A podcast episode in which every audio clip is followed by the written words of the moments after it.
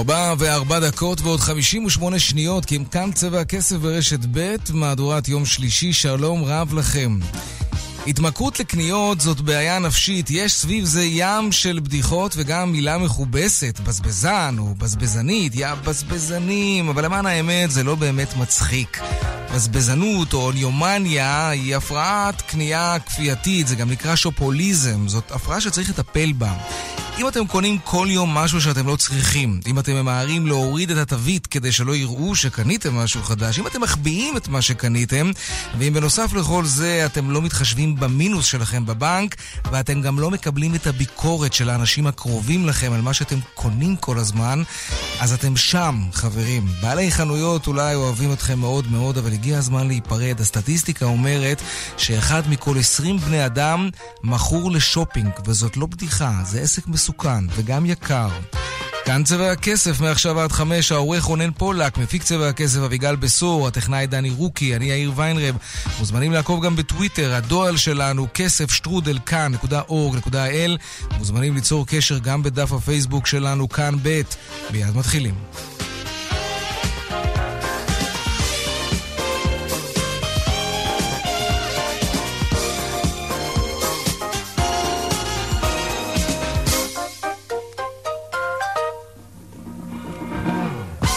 כותרות צבע הכסף ליום שלישי, פותחים איתך, כתבתנו לענייני כלכלה עמית תומר. האוצר מבקש לעדכן את יעד הגירעון ל-2019. שלום עמית. שלום יאיר. כן, רק בתחילת השבוע שמענו את שר האוצר כחלון אומר שמצבה של כלכלת ישראל טוב יותר מתמיד, ויעד הגירעון בסוף 2018 יישאר 2% ו-9 עשיריות כמו שהיה אמור. והיום בכירים במשרד האוצר מגיעים ואומרים, אנחנו מבקשים לעדכן את התחזיות ב-2019, זו הולכת להיות שנה קשה עם פחות... uh, ממה שציפינו בהרבה מאוד uh, תחומים. קודם כל, קצב הצמיחה בשנה הקרובה צפוי להיות קטן יותר משהעריכו 3% ועשירית במקום 3.4%. הכנסות הגבייה ממיסים צפויות להגיע ל-6 מיליארד וחצי שקלים פחות מהתחזית המקורית, ומנגד ההוצאות יגדלו ב-10 מיליארד שקלים. כן יאיר רואה, זו מילה נכונה, כי כתוצאה מכל זה באוצר מעריכים שגם הגירעון יהיה גדול יותר בסוף 2019 ויעמוד על, תקשיב טוב, 3% וחצי, שזה זינוק של 6 עשיריות האחוז ממש. מהמצב כעת. ביום ראשון יביאו במשרד האוצר לישיבת הממשלה את התחזיות המעודכנות ויבקשו לקבוע כי הרזרבה שנשמרה עומדת על, ועומדת על אה, מיליארד שקלים וחצי לא תנוצל. עם זאת, בכירים באוצר אה, אומרים לי אה, בשעה האחרונה, מדובר בחריגה של כמה מיליארדים, לא נעשה בשלב זה קיצוצים, לא נעלה מיסים, אין דרמה לדברי עמוס סטייה מהותית. בטח שלא, בחירות עכשיו. כן. מי יעלה מיסים עכשיו? ואגב, גם לבחירות יש באמת אה, משמעות, אי אפשר להעלות או להוריד מיסים בתקופת הבחירות, זה אפילו לא במנדט של השרים, והם כן אומרים, נצטרך לנטר את ההוצאות ולעשות צעדים להרחבת ההכנסות, אבל את רובם אנחנו נוכל לבצע רק לאחר הבחירות. עמית תומר, תודה רבה. תודה. ועוד בצבע הכסף בהמשך לקראת הבחירות בישראל, מהם הסכנות והאיומים, בעיקר איומי הסייבר שאיתם ייאלצו להתמודד במערכות השונות. נדבר על כך מיד. וזוכרים את דוקטור אסף אילת, אחד מהכוכבים בנאום של ראש הממשלה אתמול, אמש. אילת הוא יושב ראש רשות החשמל היום בעבר, הכלכלן הראשי ברשות ההגבלים העסקיים. אז אתמול נזכיר, סיפר נתניהו, כי הוא דרש מרשויות החוק לזמן את אילת לעדות בפרשת בזק. אז היום נאם אסף אילת בכינוס אנרגיה של המכון הישראלי לאנרגיה וסביבה. הנה מה שהיה לו לומר על כך. בדרך כלל אני מציג את עצמי, אבל אולי עכשיו כבר אין כל כך צורך. שעבר הכלכלן הראשי ברשות ההגבלים, משם עיקר הפרסום שלי, לא משם שמעתם עליי. כמובן לא אתייחס לאירוע. אני רק אגיד שאתמול הייתי עם הבן שלי במשחק כדורסל, פתאום בשמונה ועשרה. קיבלתי פחות או יותר 100 וואטסאפים תוך 80 שניות. לא ידעתי שככה זה אפשר... אבל אני היום אדבר על חשמל. טוב, הוא לא התייחס לגופו של עניין, אבל זה עדיין היה משעשע.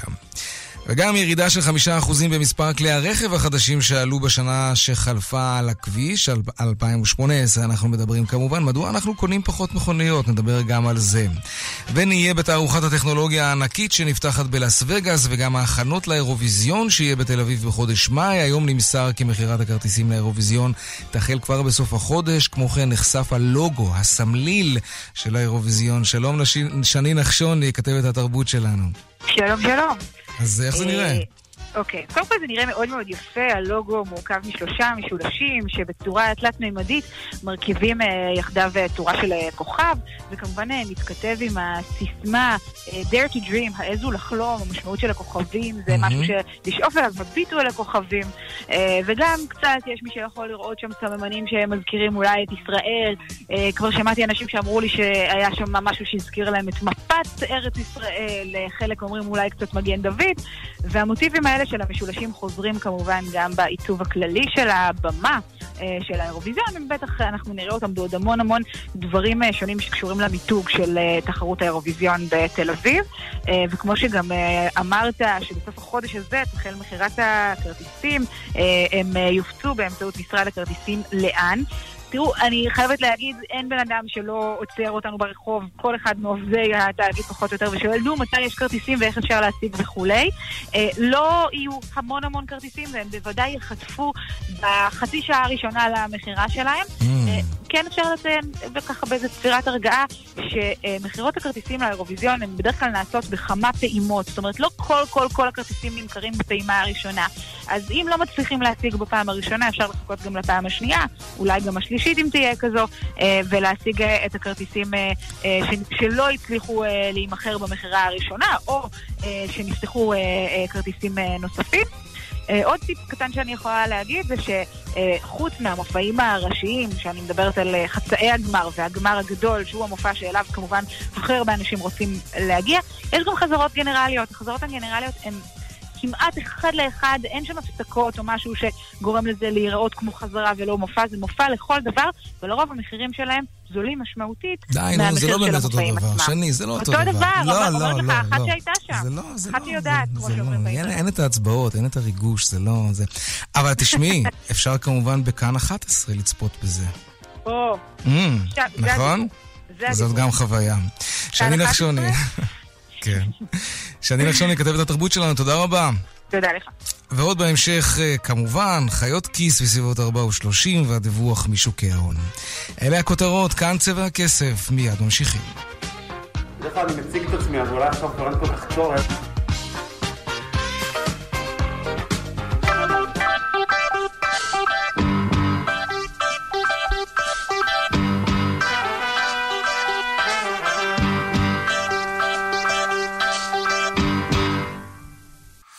פרסומת אחת וחזרנו. Happy Sale בסופר פארם. מאות מוצרים במחירים הכי happy שיש. חמישה שקלים ושמונה שקלים בלבד. Happy Sale, עכשיו בסניפים ובסופר פארם אונליין. כפוף לתנאי המבצע. אנחנו ממשיכים לעסוק אה, לקראת הבחירות באיומי הסייבר שהופכים אה, תוקפניים יותר בתקופה הזאת. שלושה חודשים לבחירות, ואחת הדאגות הגדולות בעולם, וגם בישראל כמובן, לקראת החגיגה הדמוקרטית החשובה ביותר בכל מדינה דמוקרטית, וזה נוגע לחשש מהתערבות חיצונית בתהליכי ההצבעה בחברת האבטחה, אה, אבטחת המידע, צ'ק פוינט. חיברו דוח שממפה את הסכנות והאיומים האלה. שלום לוטם פינקלשטיין, מנהל מחלקת מודיעין סייבר בצ'ק פוינט. שלום, שלום. טוב, זיוף תוצאות לא רלוונטי, נכון? כי אנחנו מצביעים בפתקים. אה, זה נכון, אבל... אה, אבל לא מדויק. לא, לא מדויק. למה? אה, כן. קודם כל, באמת אנחנו מצביעים בפתקים, וההשפעה על תוצאות האמת היא מינורית, אפילו כמעט זה לא קיימת. אבל קודם כל, מערכת הבחירות שלנו מורכבת קודם כל מפריימריז. והפריימריז במרבית המפלגות הם ממוחשבים. דיגיטליים, כן, הם ממוחשבים. ועל כן, אה, ועל כן יכולת ההשפעה שם אה, היא קיימת. אה, וראינו כבר השנה בכנס מאוד מאוד גדול בארצות הברית שנקרא דפקון, באמת תחרות של האקרים, ביניהם ילדים, כשאני אומר ילדים אז באמת ילדים בגילאי 8 עד 11, שהצליחו לפרוץ לאותן מערכות הצבעה ממוחשבות. אמ, וזה היה מרשים. אה, קודם כל כי זה אומר שהאקרים גם לא אה, כל כך אה, מוכשרים ובעלי ניסיון מסוגלים לפרוץ אותן, לאותן מערכות. ושתיים, זה שכנראה לא, לא השקיעו כל כך הרבה מחשבה ב...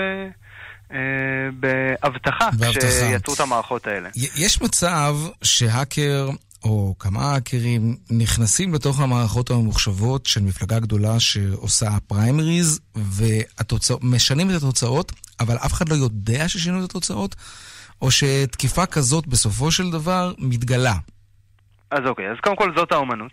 אה, והאומנות הזאת היא של באמת אה, בין פריצה שהיא, אה, במושגים שלנו זה לחבלה, שבאמת רוצה לחבל, למחוק תוצאות, לשנות בצורה שהיא נורא ברורה.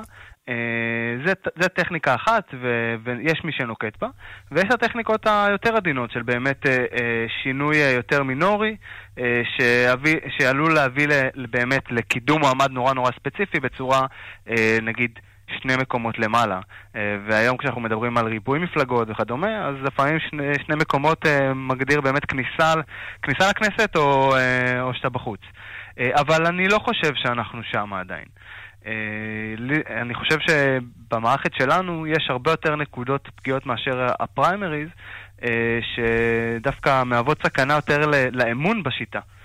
אה, אם זה אתרים לדוגמה, אם אתר מיפוי ההצבעות, כמו שראינו בבחירות האחרונות, נופל.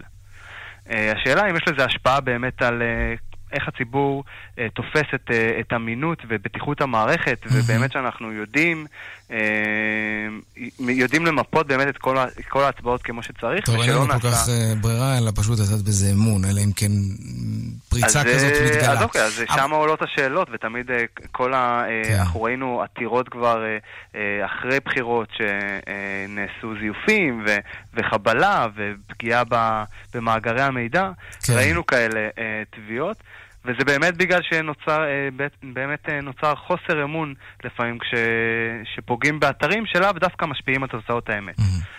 טוב, בואו בוא נדבר קצת על הציבור הכללי. פרשת קיימברידג', אה, קיימברידג' אנליטיקה למשל, כן? שבה כמויות עצומות של מידע של גולשים הודלף וידעו עליהם מה הם חושבים ובמי הם תומכים, והמידע הזה למעשה שימש את מי שרצה או לשנות את דעתם או לחזק את דעתם באמצעות חשיפה שלהם לתכנים ברשתות החברתיות.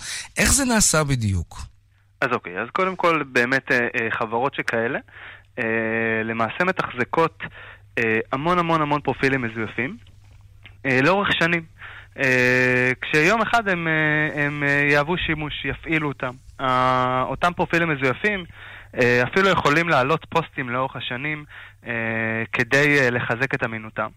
אה, וברבות הימים, כשמגיע אותו לקוח ומבקש אה, שישפיעו על, אה, על מערכת בחירות כזאת או אחרת, הם מתחילים בעצם להפיץ מסרים. המטרה שהמסרים האלה באמת יתחילו לחלחל לתוך, ה, לתוך השיח, אם זה פייק ניוז, אם זה באמת כל מיני חדשות מומצאות, אבל גם יכולים להטות את השיח לכיוונים מסוימים. כל ה... הטוקבקיסטים למעשה שאנחנו רואים מגיבים על, אה, על אה, פוסטים של, אה, של חברי כנסת או מועמדים, למעשה לא כולם באמת עכשיו הם אנשים אמיתיים שיושבים מאחורי המקלדת, אלא יותר מכונות שנועדו לשתול את המסרים, לתמוך באמינות של, ה, של, ה, של אותו מפרסם הפוסט או לפגוע בה, לגרוע ממנה. זו שיטה אחת שהם עושים. אה, דבר נוסף אה, שראינו כבר לאחרונה, ולדעתי הוא אה, נקודה מאוד מעניינת, זה איך משפיע, עוד משפיעים על האלגוריתמים של פייסבוק וטוויטר.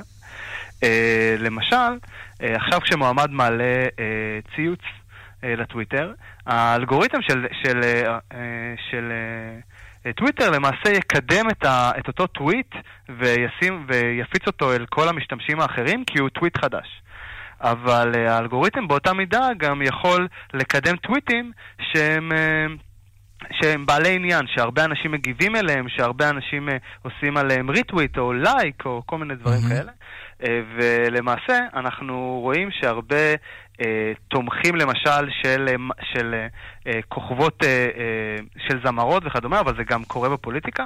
למשל, אם, אחד, אם מישהו מתבטא לרעה על טיילור סוויפט, אחת הזמרות המוכרות, אה, אז אנחנו נראה שעדר כן. מעריצים שלה יתחיל לקדם טוויטים אה, אחרים של טיילור סוויפט, כדי שהאלגוריתם לא יציג כן. את הטוויט הבעייתי הזה. אה, אותו דבר זה... יכול להיות על מסרים של... כן. של פוליטיקאים. טוב, זה חלק מהעניין של להיות חשוף ברשתות החברתיות. נכון. לוטם פינקלשטיין, מנהל מחלקת המודיעין סייבר בצ'ק פוינט, תודה רבה. אין בעיה, תודה לכם. לעניין הבא שלנו, תחום טכנולוגיית המידע והתקשורת נמצא בעיצומה של מהפכה שכמעט כולנו מרגישים אותה בחיי היומיום שלנו, יותר ויותר רובוטים ו- ואוטומציות למיניהם שנכנסים לנישות שבעבר הפעילו אותם בני אדם, בינות מלאכותיות שתופסות מקום של כבוד בארגונים רבים ועוד ועוד פיתוחים יעילים מאוד מצד אחד, אבל מצד שני גם מעלים חשש לגבי נושאים כמו הפרטיות למשל. אז אילו עוד אה, מגמות ופיתוחים צפויים לנו בשנה הקרובה בתחום הזה? שלום אלון בן צור, מנכ"ל בינת תקשורת מחשבים. שלום, אחר צהריים טובים. קודם כל, אני רוצה לספר לך סיפור קצר, כן, שקרה לעורך צבע הכסף אה, רונן פולק. הוא סיפר לי שהשבוע הוא מצא את עצמו מתכתב במה שנקרא צ'אט uh, אונליין, עם, עם נציגת מכירות של אחת מחברות התקשורת הגדולות בארץ, ומטבע הדברים השיחה נפתחה בשלום, מה שלומך וכולי. הוא, סיפר, אגב, קראו לה טלי, כן, והוא סיפר לה על הבעיה שהציקה לו, והיא אמרה שהיא תשמח לעזור, והיא ביקשה פרטים נוספים וכולי. בשלב מסוים הוא התחיל לחשוד ש... שזאת לא באמת בן אדם. אז הוא שאל אותה על המקלדת, תגידי, טלי, את אמיתית? והיא ככה בלי בושה שלפה מיד תשובה ואמרה, כן, אני בן אדם אמיתי, אבל כרגע אני לא באמת מתכתבת איתך. יש לי מאגר תשובות מוכן מראש, כמעט לכל שאלה, וזה מענה אוטומטי. תגיד, עד כמה אתם אחראים לעידן הזה? או, אני לא יודע עד כמה אנחנו אחראים, אבל אנחנו שותפים לתהליכים שקורים בעידן הזה. אה, נאמר ככה, אתה מדבר על אה, בוטים, זה נקרא בוטים כן, או רובוטים. בוטים. אה, כל העולם של מוקדים למעשה הולך ומתמלא במערכות כאלה, בבוטים שמאפשרים שיח עם הלקוחות. כי אנחנו מדברים למעשה על סביבה היום של אומני צ'אנל או מולטי צ'אנל, אנחנו מדברים עם הלקוח ביותר מציר אחד, לא רק שיחה טלפונית, זה יכול להיות צ'אט, זה יכול להיות דרך האינטרנט, או כל כלי אחר, אפילו דרך הרשתות החברתיות. וכדי לעשות את זה, הדרך לפעול בהרבה מאוד צירים בלי להוסיף הרבה מאוד uh, עובדים, uh, זה באמצעות כלים uh, מהסוג הזה, כל מיני מערכות רובוטיות, שלמעשה עונות בצורה לא רעה ומשיבות לשאלות שבדרך כלל השאלות הן שאלות אופייניות. ככל שהטכנולוגיה מתקדמת, האיכות של היכולת לענות על שאלות עולה. היום, כשמסתכלים על גוגל בריין, אנחנו רואים שהוא מגיע כבר לאינטליגנציה של ילד. אה, בערך חצי מאינטליגנציה של אדם בוגר בן 20 אה, פלוס, שזה בדרך כלל 97, אה, אז שם זה מגיע על משהו כמו 47. אינטליגנציה, הכוונה היא שכמה וכמה אנשים ישאלו את אותה שאלה בדרך אחרת, והבוטים האלה יודעים לזהות נכון, את, ה, נכון. את השאלה הצרופה שנמצאת בבסיס של מה שנכתב. נכון, אז הוא כבר יודע היום לענות uh, לשאלות. הוא uh, מבין שאלות ברמה של כמעט 100%, mm-hmm. ויודע לענות על שאלות ברמה של 85%, שזה כבר אה, אה, מאוד גבוה, וזה עולה במהירות מאוד גבוהה. המעבר ל-85% קרה ממספר הרבה יותר נמוך, אם לא טועה 60-65 אחוז, mm-hmm. וזה קורה במהירות בתוך שנתיים. זאת אומרת, זה קורה מאוד מהר, ההתפתחות הזאת. הטלי הזאת, אה, שיש לה רובוט שמחליף אותה כשהיא לא בעבודה, הטלי הזאת צריכה לחשוש למקום העבודה שלה בעוד כמה שנים אם כך?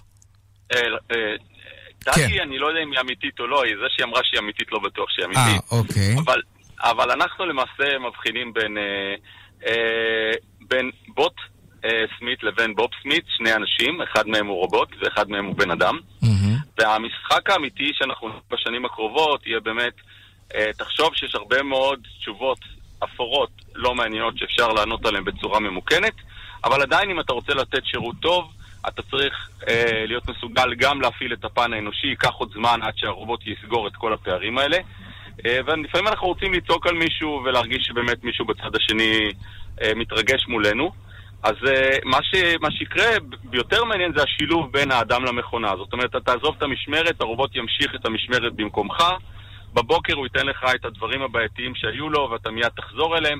אז המשחק הזה בשילוב המעניין בין נקרא לזה היברידיות בין אדם ומכונה, mm-hmm. הולך מאוד להתפתח. Mm-hmm. אוקיי, בוא תכניס אותנו לעולם הזה של הרובוטיקה. לאן זה עוד הולך? לאילו כיוונים זה עוד הולך? אז אנחנו יודעים שיש מכוניות אה, אוטומטיות שיהיו כאן תוך עשור, אומרים אולי מעט יותר. והנה אנחנו נכון. רואים ששירותי הלקוחות הופכים להיות יותר ויותר רובוטים או בוטים. לאיפה עוד זה, זה ייכנס? אז, אז ככה, יש פה שני דברים מעניינים. ראשית, מה שמניע את כל התהליך הזה זה אותו טכנולוגיה אימתנית, אה, שיש כשהגדירו אותה אפילו מסוכנת יותר מנשק גרעיני, והיא מה שאנחנו קוראים artificial intelligence או בינה מלאכותית. אז למעשה מה שמניע את כל התהליך הזה זה אותה בינה מלאכותית, אותה טכנולוגיה שמאפשרת לנו אה, למעשה להחליף אדם, או לייצר סוג של יכולת חשיבה אה, באופן מלאכותי ברמה די טובה. הטכנולוגיה הזאת אה, הולכת ומתפתחת ונכנסת לעוד ועוד תחומים. אנחנו היום בעולם הרובוטים רואים רובוטים בכל מיני סיגמנטים, בוטים כאלה שפעילים אה, ומחליפים אדם במוקדים, אנחנו רואים מחשבים שעושים עבודת רובוט ומחליפים אה, אה, פקידים או מזכירות שעושים עבודה אה, די סטנדרטית. אנחנו רואים רובוטים בעולם התעשייה, זה כבר הרבה שנים, אבל זה מאוד מתפתח אה, בצד הפיזי של הדברים. ואנחנו נראה רובוטים שהם אה, הולכים לידינו, נניח תגיע לבית חולים ויהיה לך שירות VIP, יחכה לך רובוט על אה, גלגלים, הוא ילווה אותך, הוא יקרא בשמך, הוא ילווה אותך לחדר הרלוונטי, ואתה לא תתברבר בתוך כל המסע הזה של אה, בית החולים הגדול. אנחנו גם מציגים עכשיו בכנס השבוע איזשהו רובוט כזה, לדוגמה. אבל באופן כללי, אני אומר, הרובוטים מתפתחים להרבה מאוד צירים. חלקם ייראו פיזית וחלקם יהיו מחשבים בדמות של רובוטים. אם, כבר אמרת, אם כבר אמרת ייראו פיזית, שאלה קצת ילדותית, אבל כמה אנחנו רחוקים מזה שרובוטים ייראו כמונו? או דומים אה, מאוד? תראה, יש חברות אה, כמו בוסטון אה, סיינטיפיק וחברות אחרות שעוסקות בפיתוח של אה, רובוטים שהם אה, דומים לאדם. Uh, העניין של דמיון לאדם הוא, הוא פחות חשוב מבחינת, ה, נקרא לזה, הפונקציונליות, אבל הוא יותר חשוב כדי לתת לנו איזושהי תחושה שמולנו ניצב מישהו עם, עם מסוגלות פיזית. Mm-hmm. Uh, זו לא המטרה המרכזית, אבל אתה יודע, יש אפליקציות שזה רלוונטי מאוד. אני חושב שאנחנו uh, לא רחוקים מזה. מעניין. אלון בן צור, מנכ"ל אה, בינת תקשורת מחשבים, תודה רבה. תודה לכם. אולי זה יפתור את בעיית הצפיפות ברכבת, ברכבת ישראל. קרונות חדשים בדרך לשם. השאלה היא כמה ולאיפה ומתי זה בכלל יקרה. שלום שרון עידן, כתבנו לענייני תחבורה. כן, אה, יאיר, בשורות אה, טובות אה, הפעם מהרכבת. אנחנו יודעים שיש לא מעט בעיות, בעיקר של צפיפות. אז בעצם רכבת ישראל מודיעה היום שהיא קולטת קרונות נוספים שכבר הגיעו למעשה לנמל חיפה, ויגרמו לכך שנוסעי הרכבת יוכלו ליהנות מעוד 1,420 מקומות ישיבה בשלב אה, הראשון. בעצם עם קליטת הקרונות האלה, הרכבת אה, מעריכה ומוסיפה בעצם אה, תדירויות למשהו כמו סדר גודל של כ-15 רכבות ביום, בעיקר בקווים של נהריה מודיעין ובנימינה רחובות. הדבר הזה, המשמעות שלו זה עד משהו כמו סדר גודל של 2,130 מקומות ישיבה בכל יום. הם יגיעו בתקופה הקרובה ממש לאזור אה, באר שבע, למוסכים של הרכבת יעברו את כל האבזורים שצריך, וצפויים להיכנס כבר ממש בזמן כן. הקרוב לפעילות. אה, נקווה שהדבר הזה יהווה בשורות חיוביות, בעיקר על הקווים ששמענו עליהם עכשיו, אבל גם יוריד קצת לחץ מהרבה מאוד קרונות אחרים, שאנחנו יודעים אה, שכרגע יש איתם בעיה ברכבת. הלוואי, ומהרכבת לעבודה בגשר יהודית, והמשברים שהגשר הזה יצר בגלל העבודות בשבת, משרד התחבורה מגיב היום ואומר לבג"ץ שהעבודות יעשו ממש בחודשים הקרובים. כן, עניין אה, גשר אה, יהודית, אומרים היום במשרד התחבורה, אה, יוקם תוך שמירה על כל העקרונות שקבע השר ישראל כץ, על מה מדובר. בעצם על דחייה של חצי שנה בביצוע העבודות להקמת הגשר, אותה דחייה שנועדה לאפשר גם לרכבת ישראל להשלים את ההיערכות לביצוע פרויקט החשמול בקו לירושלים, ביטול התוכניות לחסימה נפרדת של נתיבי איילון, ובעצם באמצע השבוע או בסופי השבוע, במהלך של שישה שבועות, ביצוע העבודות להקמת גשר יהודית באותם אה, מועדי עבודות לחשמול קו הרכבת של תל אביב וירושלים, תוך מתן עדיפות אה, לרכבת בביצוע אה, העבודות. הדברים האלה בעצם אומרים היום בתצהיר שנותן משרד התחבורה לבג"ץ. הם אומרים העבודות להקמת הגשר כן. יבוצעו באותם מועדים עם הרכבת, זה מה שיקרה. ותוך כדי תיאום, כלומר הם ממשיכים ומקדמים את הדבר הזה כרגע לפי לוח הזמנים שהם קבעו כאמור בסד הזה, יאיר. שרון עידן, כתבנו על התחבורה, תודה רבה. אנחנו לעניין הבא שלנו. חברת מוביליטי היר משיקה אה, אפליקציה בשם סומו, Social Mobility, וזה יישום שיאפשר לחוות נסיעה שיתופית בדרך קצת אחרת. איך בדיוק? אנחנו אומרים שלום לליעד יצחק, ראש אגף החטיבה הישראלית של היר מוביליטי. שלום לך. שלום שלום, אני למעשה מוביל את כל היר מוביליטי. אתה נמצא בלאס וגאס עכשיו, השקתם שם את האפליקציה הזאת. נכון, השקנו אותה אתמול. טוב, בוא נדבר עליה קצת. מה היא יודעת לעשות? אז מה שאנחנו עושים אה, באפליקציה של, אה, של סומו, למעשה אנחנו אה, מנסים לפתור בעיה של מקום שאנשים רוצים לשתף פעולה בנסיעות. וזה קשור לכל המעגלים החברתיים שלנו. כאשר אנחנו נוסעים לחתונה, כאשר אנחנו נוסעים לעבודה, כאשר אנחנו נוסעים לחוגים לילדים אחרי, אחרי שעות בית הספר, יש לנו רצון לשתף פעולה עם אנשים שם בלהסיע את הילדים למשל, לקחת מישהו לחתונה. אה, ואנחנו למעשה לראשונה מאפשרים אה, אה, לאנשים לעשות את זה בצורה קלה ונוחה בעזרת סומו. אבל אתה יודע, כל הדוגמאות שנתת, אני אגיד לך איך אני, ואני מכיר גם אחרים כמובן, שפותרים את הבעיה הזאת, יש, יש קבוצות וואטסאפ של המשפחה, יש קבוצות וואטסאפ של mm-hmm. העבודה, יש קבוצות וואטסאפ של החברים הקרובים, של המעגלים היותר רחבים, mm-hmm. אז אתה פשוט כותב שם, אולי במקרה מישהו הולך למסיבה של טלי, או לחתונה של mm-hmm. יוסי, ואיכשהו מצליחים אה, אה, להתחבר. העלית נקודה מצוינת, כי אם ניקח נגיד קבוצת וואטסאפ, יש לנו קבוצת וואטסאפ של הכיתה של הבת שלי, כן? כן. ביום ממוצע יש לנו 100-150 הודעות בקבוצת הוואטסאפ, כן, אה, יום רגיל. ואם יש לנו למשל אירוע של יום הולדת מחוץ לעיר שבה אנחנו גרים, אנחנו למשל גרים בהרצליה, וקורה הרבה פעמים שיש ימי הולדת מחוץ להרצליה. כאשר מתקבלת הזמנה כזאת בתוך קבוצת הוואטסאפ, mm-hmm. מתחיל טירוף, 100-150 הודעות בדקה. נכון. מי מגיע, מי נוסע, מי אוסף, איך אתם הולכים, איך אתה זה. עכשיו, אני באופן אישי, תמיד מפספס את החמש דקות האלה. ברגע שעברו חמש הדקות האלה, הנושא כבר עבר, פתאום מתחילים להתלונן על העבודה במולדת, או על אני לא יודע מה. אה, ואין לך כבר את האפשרות באמת לשתף פעולה. אז יש איזה כמה אנשים שהצליחו לעשות איזה, איזשהו חיבור, אבל למעשה וואטסאפ לא מאפשר בצורה קלה ונוחה לתכנן ביחד, וזה עוד בקבוצה קטנה, כן, אנחנו מדברים על uh, כמה, 30 תלמידים. אה, כן. תחשוב על חתונה למשל, 200 אנשים, איך אתה מתחיל בכלל לתאם מי לוקח, מי מחזיר, מי יודע בכלל שאתה נוסע אה, והוא על המסלול שלך בדרך לחתונה. אז באפליקציה... זה משימה בלתי אפשרית. כן, הנקודה ברורה. אז באפליקציה הזאת בעצם, מה, אני נכנס לתוך איזשהו מעגל חברים שאני יוצר, חברים וקרובי משפחה וכולי? אז מה שאנחנו... אז מה שאנחנו יצרנו באפליקציה, כלומר, אם אנחנו מסתכלים על וואטסאפ שמדבר על קבוצות, באפליקציה אנחנו מדברים על מפגשים. באפליקציה אתה יכול לייצר מפגשים. Mm-hmm. מפגש, למעשה, כמעט כל נסיעה שלנו, מסתיימת באיזשהו מפגש חברתי. זה יכול להיות הנסיעה שלי לעבודה, זה יכול להיות הנסיעה שלי הביתה למשפחה שלי, זה יכול להיות נסיעה לאיזושהי uh, פגישה, זה יכול להיות נסיעה לחתונה, זה יכול להיות נסיעה לבר מצווה, uh, להלוויה לא עלינו. כלומר, כמעט כל נסיעה שלנו מסתיימת במפגש, ומה שאנחנו מאפשרים זה לייצר מפגשים. ובמפגש אתה מגדיר את הזמן, את המקום, ומי האנשים ומה מטרת המפגש. רגע, אני מנסה להבין איך בדיוק זה יעבוד. אני, יש לי היום אה, חתונה של חבר מהעבודה, אוקיי? אני נכנס אל האפליקציה, ומה אני עושה? מי שארגן את האירוע יוכל לייצר בצורה קלה אירוע. יוכל לייצר, הוא יקרא לחתונה אוקיי. הזאת מפגש החתונה. כל מי שמגיע לחתונה הוא יקבל ממנו הזמנה למפגש הזה בתוך האפליקציה. אגב, לחתונות או לאירועים גדולים, בוא נגיד 200, 300, 500 אנשים, זה קשה כבר לנהל את זה בתוך האפליקציה, אז יש לנו גם לעשות, אה, יש לנו uh, Web Widget, כלומר uh, Web Application, שבה אתה יכול uh, לנהל רשימת מוזמנים מאוד גדולה, וגם אגב בזמן אמת לראות מי מגיע ומתי, אתה רואה את זה על המפה, איך אנשים מגיעים לחתונה שלך. נגיד החבר שלך יש לו חתונה, הוא מכניס את כל רשימת המוזמנים שלו, הם מקבלים הזמנה למפגש הזה של החתונה. כן. ואז, אם אני נוסע נגיד לחתונה, אני אומר, אני נוסע לחתונה ויש לי מקום פנוי. אני, אה, אני רושם שיש לי מקום פנוי בדרך לחתונה. ואז רואים איפה אני יוצא. אה, אפשר לבקש ממני, רגע, אפשר להצטרף אליך? Mm-hmm. עכשיו, מה שאנחנו באים לעשות זה לייצר את המקום שבו אנחנו רוצים לשתף פעולה. כי אם אני נוסע לחתונה, אני אה, ארצה לשתף מישהו בנסיעה שלי, לא כי אני אקבל על זה כסף, אלא כי זה מישהו מהמשפחה, או מישהו שהולך להיות משפחה שלי. ברור. אה, האפליקציה היא חינמית?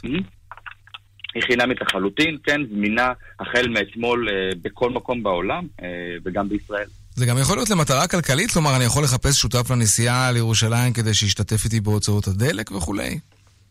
אפשר לעשות את זה, אפשר לעשות את זה, אנחנו פשוט, בניגוד לאפליקציות קרפול אחרות, אנחנו לא גוזרים על זה קופון. כלומר, אם אנשים ירצו להשתתף בדלק או כל דבר...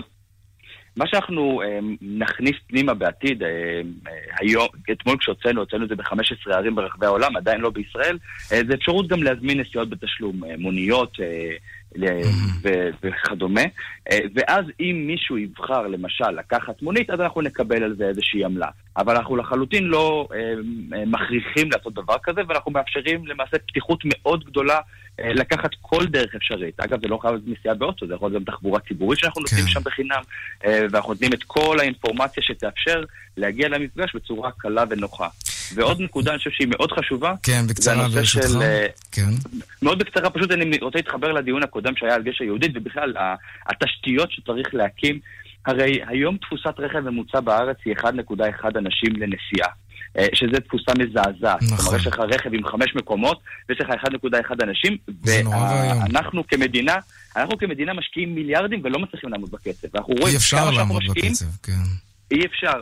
ומה שאנחנו צריכים לעשות זה לאפשר לאנשים להגדיל את התפוסה ברכב.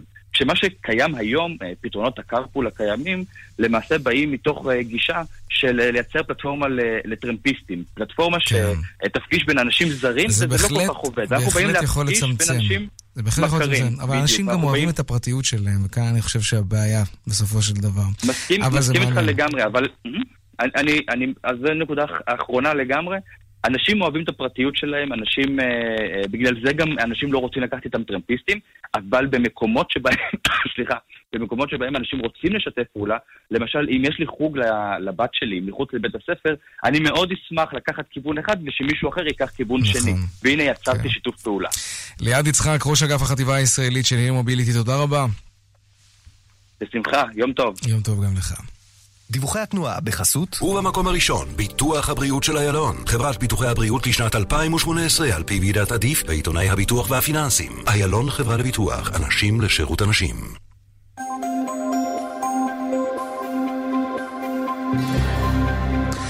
ואלו הם העדכונים אה, מכאן מוקד התנועה. בדרך החוף צפונה עמוס ממחלף רבין עד וינגייט וממחלף נתניה עד אולגה. בדרך ירושלים, תל אביב, יש עומס ממחלף גנות עד קיבוץ גלויות. דיווחים נוספים בכאן מוקד התנועה, כוכבי 9550, ובאתר שלנו, אתר כאן פרסומות, ומיד חוזרים עם חיות כיס. מיד חוזרים עם יאיר ויינרב. דלתות פנים חמדיה מבודדות רעשים פי שניים מדלת הפנים של המתחרה שנבדק. דלתות חמדיה, תתקדמו, דלתות חמדיה. על פי בדיקה שנערכה בנובמבר 2017. שני זוגות מולטיפוקל שבמבצע ב-1,200 שקלים. בעשרה תשלומים ללא ריבית. אופטיקה אלפרין. כפוף לתקנון. היי, כאן חנוך דאום. חבר'ה.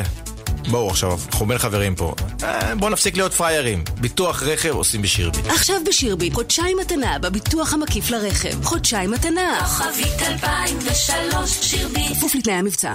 יש לך פטנט? רוצה לפתח פטנט? אב טיפוס פטנטים והמצאות בע"מ 03 97 11 011 חייגו עכשיו. יש הזדמנויות חד פעמיות בחיים שחבל מאוד לפספס. גבירותיי ורבותיי המשפצים, כאן דורון משיח ממשיח קרמיקה. משלוח נדיר של עריכי קרמיקה לריצוף הבית בעיצוב איטלקי ובמחירי המזרח הגיע למשיח קרמיקה. עריכים מבריקים, באיכות גבוהה ובמחירים מפתיעים. הזדמנות חד פעמית לעיצוב אחר בבית. המלאי מוגבל, אז מהרו לבוא. לפרטים, חפשו בגוגל, משיח קרמיקה, או התקשרו 1-800-50-40-90.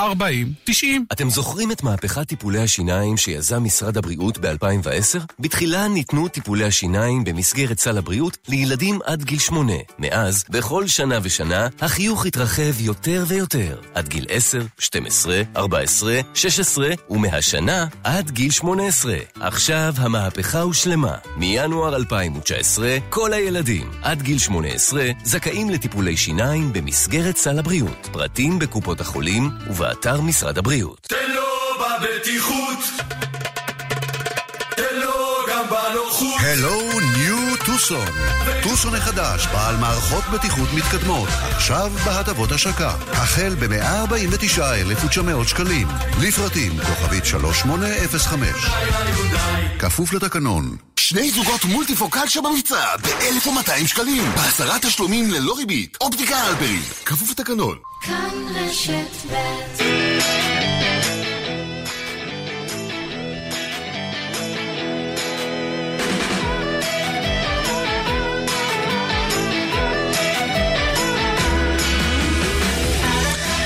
חיות כיס עכשיו, אתם שואלים חיות כיס עונות, אפשר לשאול בטוויטר, השטג חיות כיס ללא רווח, וגם בדואל שלנו, כסף שטרודל כאן.org.il.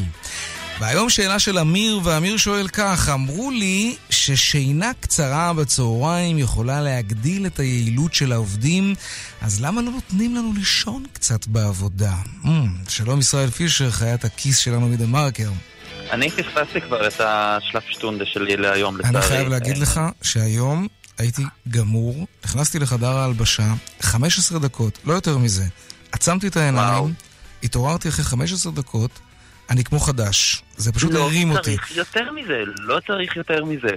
אז האמת היא שהישראלים ישנים ממש מעט בלילה, לפי סקר שנערך ב-28 מדינות, ופורסם באפריל אה, האחרון. גבר ישראלי ישן בלילה, בלילה ממוצע 6 שעות ו-42 דקות. הממ. אישה ישראלית ישנה בממוצע 6 שעות ו-51 דקות. רק היפנים ישנים פחות מאיתנו. עשו את זה עם כל מיני אה, צמידי אה, כושר. בפינלנד, שהייתה במקום הראשון, במקום הראשון בסקר, נשים ישנות בממוצע 7 שעות ו-45 דקות. זה נהדר. ולכן זה לא מפליא שאנחנו עייפים כל הזמן. אמיר גם צודק. תנומה של עד 30 דקות בצהריים, כמו שאתה יכול להעיד, ממש. יכולה לתרום לשיפור הריכוז. זה כמו ריסטארט, ממש כאילו אתה עושה ריסטארט למחשב אותו דבר. נכון, זה גם האינטרס של, של המעסיקים, כי ככה אנחנו עובדים אה, טובים יותר. במחקר אה, שפורסם בשנה שעברה על ידי אה, מגזין Nature Neuroscience, כן. החוקרים בחנו את הביצועים התפיסתיים אה, של העובדים ארבע פעמים במהלך היום. הביצועים הידרדרו מבדיקה אה, לבדיקה בדרך כלל, אבל מי שעשה הפסקת שינה של 30 דקות בין הבדיקות, לא הידרדרו הביצועים שלו. אלה שישנו גם 60 דקות, אפילו נרשם שיפור בביצועים שלהם. או, הנה ההוכחה שלנו. אבל מה לעשות, אם אני אלך לישון עכשיו באמצע יום עבודה, או אפילו סתם אניח את הראש לכמה דקות, יסתכלו עליי מוזר במקרה הטוב, ויכעסו עליי במקרה הרע. אבל, יש פה שינוי. לאט לאט מבינים בעולם שאין שום דבר רע בתנומה בעבודה, ולפעמים דווקא מעודדים את זה. תקשיב מה, קרה, מה קורה ביפן. Mm-hmm. עוד ועוד חברות שם מקימות במשרדים שלהן חדרי שקט אטומים לרעשים, שאליהם יכולים להגיע עובדים ולהניח את הראש. יש בחדרים האלה שני חוקים. אסור להרעיש ואסור להכניס אליהם כל מכשיר אלקטרוני שיכול לפגוע בשינה. בלי סמארטפון, בלי טאבלט, בלי מחשב נייד, נטו שינה. לפי הערכות ביפן, המחסור בשינה במדינה עולה לכלכלה המקומית 132 מיליארד דולר בשנה, וואו. בגלל ביצועים ירודים של העובדים ובגלל בעיות בריאותיות שנובעות ממחסור בשינה. ככה אולי אפשר להתחיל לצמצם את הנזק, ובקרוב, אה, במהרה, בימינו, כאן בישראל, אמן. הלוואי, ישראל פישר, חיית הכיס שלנו בדה מרקר, תודה רבה. שלב שטונדה, למה לא? הלוואי. ביי. להתראות, ביי.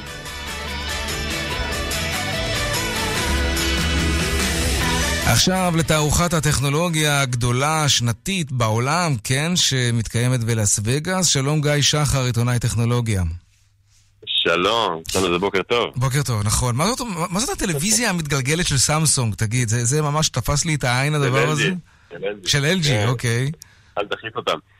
Uh, כן, הם גנבו את ההצגה עם הדבר הזה, למרות שידענו כולנו שזה הולך לקרות. אה, הם הוציאו מכשיר uh, חדש שיגיע גם ללקוחות. טלוויזיה שפשוט מתגלגלת, ראינו את זה גם בעולם הסמארטפונים, סמארטפונים מתקפלים, אז הם הביאו את זה גם לסלון, מין טלוויזיה שיוצאת עם מנגנון מכני כזה, ממש החוצה. אה, אבל למה צריך את זה, תגיד? מה צריך טלוויזיה מתגלגלת? זה מגניב. זה לומר לאורחים, תראו איזה יופי, אני לוחץ עם כפתור, ותראו איזה יופי זה יוצא החוצה. נו שוין, אומרים אצלנו, כן, אוקיי. כן, כן. פשוט שיש שואו-אוף, אבל... אה, יש איזה תשלום שאתה משלם באיכות בגלל היכולת של המסך להתקפל, להתגלגל. אז לא, המסכים החדשים, מסכי האולד, יש להם איכות מאוד מאוד גבוהה, והם יודעים להתקפל, אז לא מוותרים פה באמת על האיכות. גם הסמארטפונים שלנו שיגיעו ויתקפלו, אנחנו לא נרד באיכות שהתרגלנו אליה עד, עד היום, כלומר, מבחינת צפיפות פיקסלים וכאלה, כך שלא לא צפויה. אבל uh, עדיין, מי שחושב, מי שרוצה את המנגנון, מי שצריך את החלל הזה, mm-hmm. שהטלוויזיה בעובי של כמה מילימטרים תופסת, אז אולי זה יכול להיות uh, נחמד עבורו. כן, אנחנו מדברים כבר על... אבל זה לא יחיד. כן, כן, על מה עוד? אז תראה, קודם כל, מבחינת טלוויזיות אנחנו התרגלנו בארץ ל-4K, אפילו לא, ועכשיו זה כבר מגיע לעולם ה-8K, שזה פי 4 יותר איכותי, אה, וזה כבר אנחנו רואים פה מגמה מאוד רחבה בתערוכה.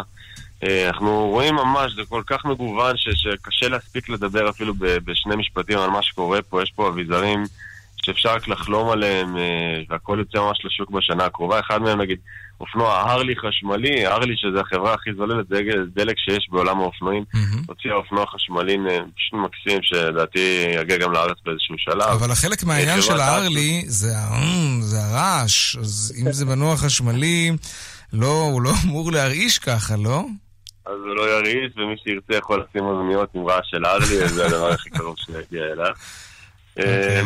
אסוס שאנחנו בארץ מכירים אה, כמובן בעולם המחשבים, הציגו מחשבי גיימינג, מי שאוהב את עולם המשחקים, יאהב מאוד את מה שהם הוציאו, הם הוציאו פה כמה מחשבים שתצורה פשוט מוזרה, אבל אה, נפלאה, מחשבים ניידים, נייחים, מפרט קצה, ועוד כמה מחשבים שיגיעו לישראל ממש בקרוב, ממש ברבעון הראשון. המסך כבר בלי שוליים בכלל, שזה פשוט נפלא, אז המחשבים נורא קטנים ואפשר... Uh, ליהנות ממסך גדול בלי להתפשר על הגודל הפיזי שלהם.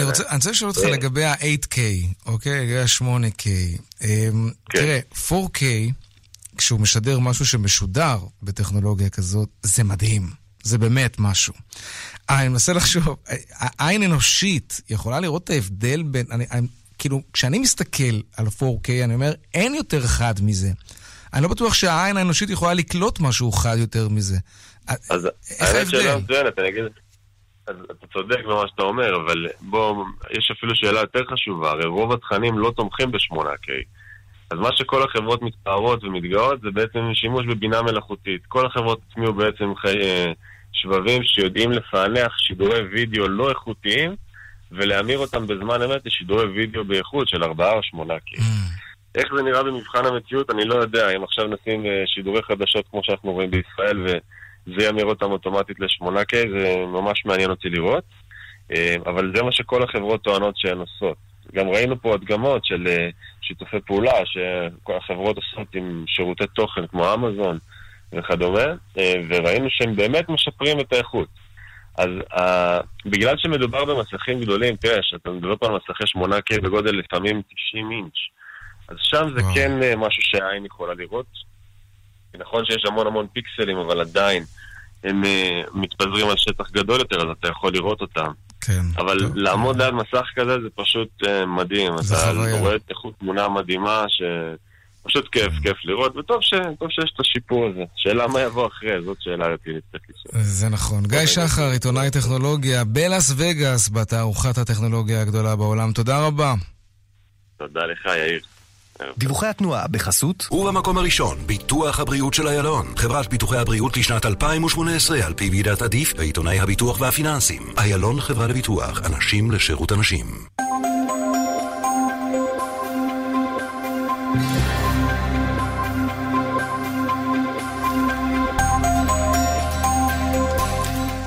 ואלו הם הדיווחים מכאן מוקד התנועה. בדרך 40 צפון העמוס מבני עטרות עד נחלים, בדרך החוף צפון העמוס ממחלף רבין עד וינגייט וממחלף נתניה עד אולגה. דיווחים נוספים בכאן מוקד התנועה, כוכבי 9550 ובאתר כאן פרסומות ומיד חוזרים. מיד חוזרים עם יאיר ויינרב. למה להחליף את הדלת אם אפשר לעצב אותה מחדש ולחסוך בגדול? פאנקי דור, ציפויים מגנטיים מעוצבים לדלתות ולמקררים. לקטלוג העיצובים 2019, חייגו פאנקי דור, כוכבית 6049. מאות אלפי ישראלים שמתמודדים עם בעיות רפואיות לא מקבלים קצבה. אולי גם אתה אחד מהם? אל תוותר על מה שמגיע לך. חייג כוכבית 2468. חברת לבנת פורן. השירות אינו משפטי. גולד פור קאש, קנייה של זהב וכלי כסף. שלום, כאן עזריאל. זקוקים למזומנים מיד? אני קונה תכשיטים, כלי כסף ויהלומים. מזומן ביד ובמקום. גולד פור קאש, כוכבית 4556. תן לו בבטיחות, תן לו גם בנוחות. הלו טוסון. טוסון החדש, בעל מערכות בטיחות מתקדמות, עכשיו בהטבות השקה. החל ב-149,900 שקלים. לפרטים, כוכבית 3805. כפוף לתקנון. בגיל 70 או 80 אנחנו פשוט רוצים להמשיך לחיות חיים עצמאיים. בלי תלות. בלי תלות בילדינו, בלי תלות בטכנאי שמאחר להגיע. כאן חיים ברקן, מנכ"ל בית גיל פז בכפר סבא. אני מזמין אתכם לבקר בדיור המוגן שלנו. כאן אנחנו דואגים לכל פרט, ואתם נהנים מחיי התרבות, מהתמיכה הרפואית, מהשקט הנפשי ומהביטחון האישי. חפשו בגוגל בית גיל פז, או התקשרו 1-700-55-70-80. יש לך פטנט? רוצה לפתח פטנט? אב טיפוס פטנטים והמצאות בע"מ, 03 97 11 011 חייגו עכשיו. הודעה חשובה לכל הטסים בחודש ינואר. תקשיבו, יצא לכם מושלם. מושלם לטוס בינואר. עכשיו בדיוטי פרי ג'יימס ריצ'רדסון, 50% הנחה על מבחר מותגים מובילים. אז אל תפספסו. בכל זאת, לא בכל יום אתם בדיוטי. ג'יימס ריצ'רדסון. מוגבל לשני פריטים בקנייה ב-50 דולר ובתוקף עד 28 בינואר. למה להחליף את הדלת אם אפשר לעצב אותה מחדש ולחסוך בגדול? פאנקי דור, ציפויים מגנטיים מעוצבים לדלתות ולמקררים. לקטלוג העיצובים 2019, חייגו פאנקי דור, כוכבית 6049. כאן רשת ב' עשר דקות לפני השעה חמש בדיוק, עכשיו לעדכון היומי משוקי הכספים.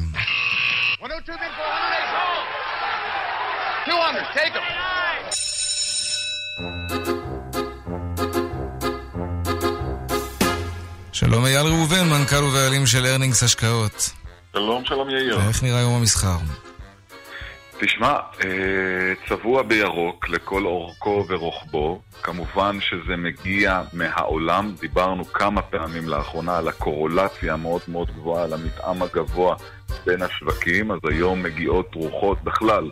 הימים האחרונים אנחנו רואים את הבנקים האמריקאים מאוד תומכים את השוק, מזרימים ביקושים. שמענו את הפד אה, בעמדה מאוד יונית כלפי הריבית. אנחנו רואים את הציוצים האחרונים של טראמפ שבעצם משווה את כל מה שהוא עושה, מחבר את זה לתוצאות בבורסה, אה, וברקע שיחות מסחר בין ארצות הברית לסין. היום הודיעו שהן מוארכות ביום נוסף, היו אמורות להסתיים היום בערב, מתארכות למחר, זה מפיח רוח אופטימית. וזה מחלחל לשווקים.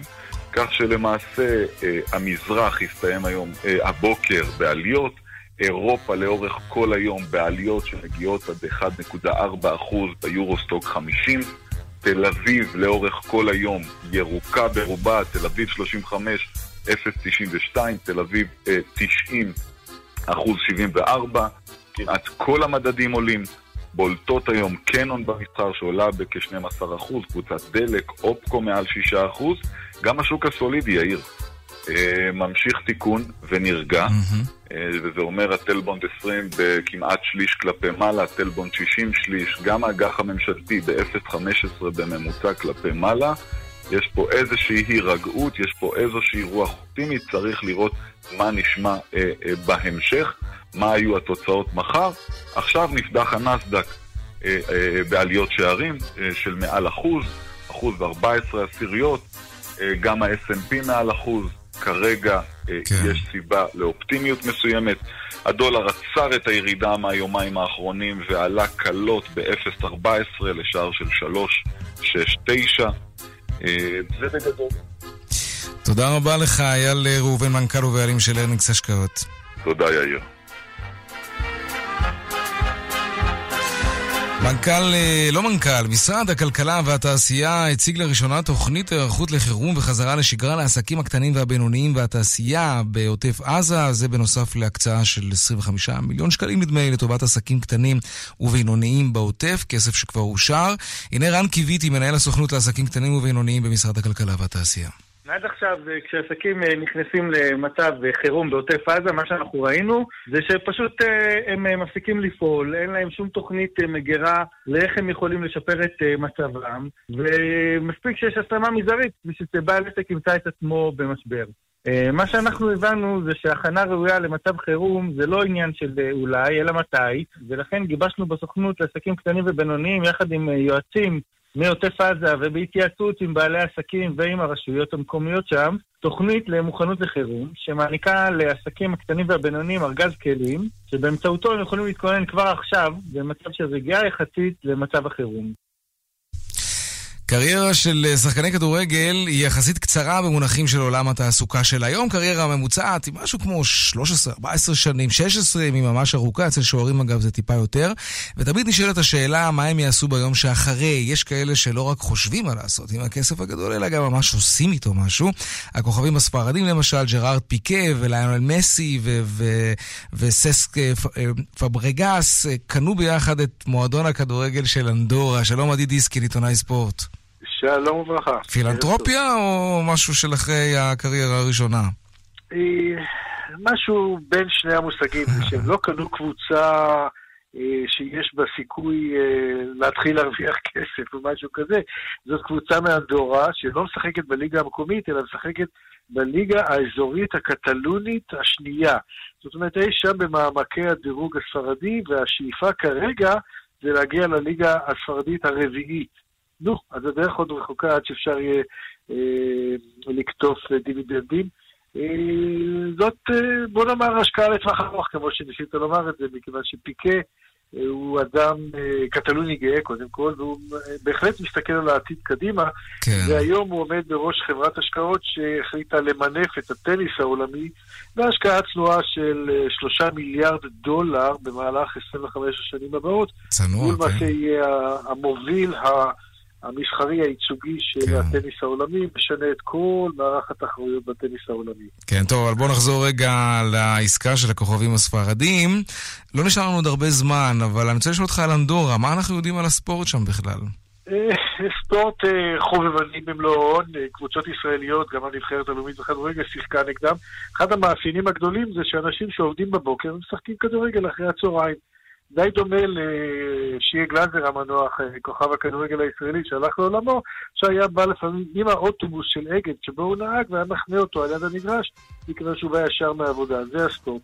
בכדורסל דווקא יש להם קבוצה שמשחקת בליגה הספרדית הבכירה, אין שם הרבה יותר מדי ספרדים או, או אה, אזרחי אנדורה, אבל הבנק המקומי... כן. נכון, הבנק המקומי השקיע הרבה כסף, והקבוצה די מצליחה. תודה רבה. עד כאן צבע הכסף ליום שלישי, העורך רונן פולק, מפיק צבע הכסף אביגל בסור, הטכנאי דני רוקי, הצוות בבאר שבע, אורית שולס ושמעון דוקרקר, אני יאיר ויינרב, מוזמנים לעקוב גם בטוויטר, הדואל שלנו כסף שטרודל כאן.org.il. מיד אחרינו כאן הערב עם רן בנימיני וטלי בן עובדיה, ערב טוב ושקט שיהיה לנו, שלום שלום.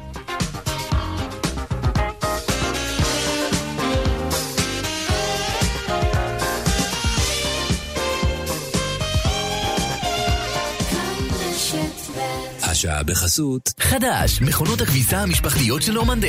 עכשיו עם חמש שנות אחריות, מ-1390 שקלים. נורמנדה. כפוף לתקנון. לא צריך להיות עשיר כדי להשקיע, הגשמה מציגה את קופנד איקס. השקעה מ-5,000 דולר בכמה פרויקטים בו זמנית. כסף קטן בפיזור גדול. לפרטים חייגו כוכבית 6032. הגשמה, משקיעים באחריות בנדל"ן בינלאומי. שלום, זה שוב כמאל מהמוסד לבטיחות ולגיהות. רוצים לעזור לנו לחולל שינוי ולשפר את הבטיחות בעבודה בענף הבנייה? בפעם הראשונה אנו חונכים מתחם במרשתת, שבו תוכלו כולכם להשתתף באופן פעיל בשמירה על חיי העובדים בענף. אני קורא לכל אחת ואחד מכם להיכנס למתחם קו החיים ולהיות חלק משינוי תרבות הבטיחות בעבודה בישראל. כולנו יחד נוכל למנוע את התאונה הבאה. המוסד לבטיחות ולגהות דואגים לכם כאן נועם, תכין לי מותק אחד קפה, אחד סוכר, בלי חילול. בלי חילול? הבשורה החדשה שכולם חיכו לה. מיני בר למים קרים וחמים, בלי חילול שבת. נועם אחד מבית חברת אפיקים. מיני בר של שלושה מצבי מזיגה. מעוצב ומרהיב ביופיו, בכשרות מהודרת. נועם אחד, כוכבית 8510. כוכבית 8510 רגע, גברי, ואם אני מסבך את הסיר בשקשוקה בלי הנחות? בזכות הקפסולות של פרי, הניקיון ברמות. גם במדיח, אין על הניקיון של פרי. שני זוגות מולטיפוקל שבמבצע ב-1,200 שקלים. בעשרה תשלומים ללא ריבית. אופטיקה הלפרין. כפוף לתקנון. אם משלמים במזומן סכום העולה על המותר בחוק, זו רבותיי עבירה ממש. החוק החדש קובע, מחודש ינואר יחולו הגבלות על תשלום במזומן בעסקאות בין אנשים פרטיים. בעסקה עד 50 אלף שקלים מותר לשלם את כל הסכום במזומן. בעסקה של יותר מ-50 אלף שקלים מותר לשלם במזומן עד 10% מהסכום, אך לא יותר מ-50 אלף שקלים, הנמוך שבהם. עברתם על חוק המזומן? שילמתם ביוקר. פרטים נוספים באתר רשות המיסים. בחיפה מרגישים שינוי באוויר. התוכנית הלאומית לצמצום זיהום האוויר מכלי רכב בחיפה עוברת לשלב האכיפה. מינואר 2019, רכב דיזל מזהם יוכל להיכנס לחיפה רק אם מותקן בו מסנן, והעוברים על חוק העזר צפויים לקנס. לבדיקה אם רכבכם מזהם, חפשו בגוגל אוויר נקי בחיפה. מוגש מטעם המשרד להגנת הסביבה ועיריית חיפה. הדלקתי את הדוד? לא, לא הדלקתי. הדלקתי את הדוד? לא הדלקתי את הדוד. הדלקתי? לא נמאס לכם להיות תלויים בדוד? בחורף הזה נפרדים מדוד החשמל. מתקדמים למחמם המים של פסגז ונהנים ממים חמים שאף פעם לא נגמרים. כוכבי 9636, פסגז. גם במדיח, אין על הניקיון של פרי. לא צריך להיות עשיר כדי להשקיע, הגשמה מציגה את קופנד איקס. השקעה מ-5,000 דולר בכמה פרויקטים בו זמנית. כסף קטן בפיזור גדול. לפרטים חייגו כוכבית 6032. הגשמה, משקיעים באחריות בנדל"ן בינלאומי. רן בנימיני, כאן, אחרי החדשות. כאן רשת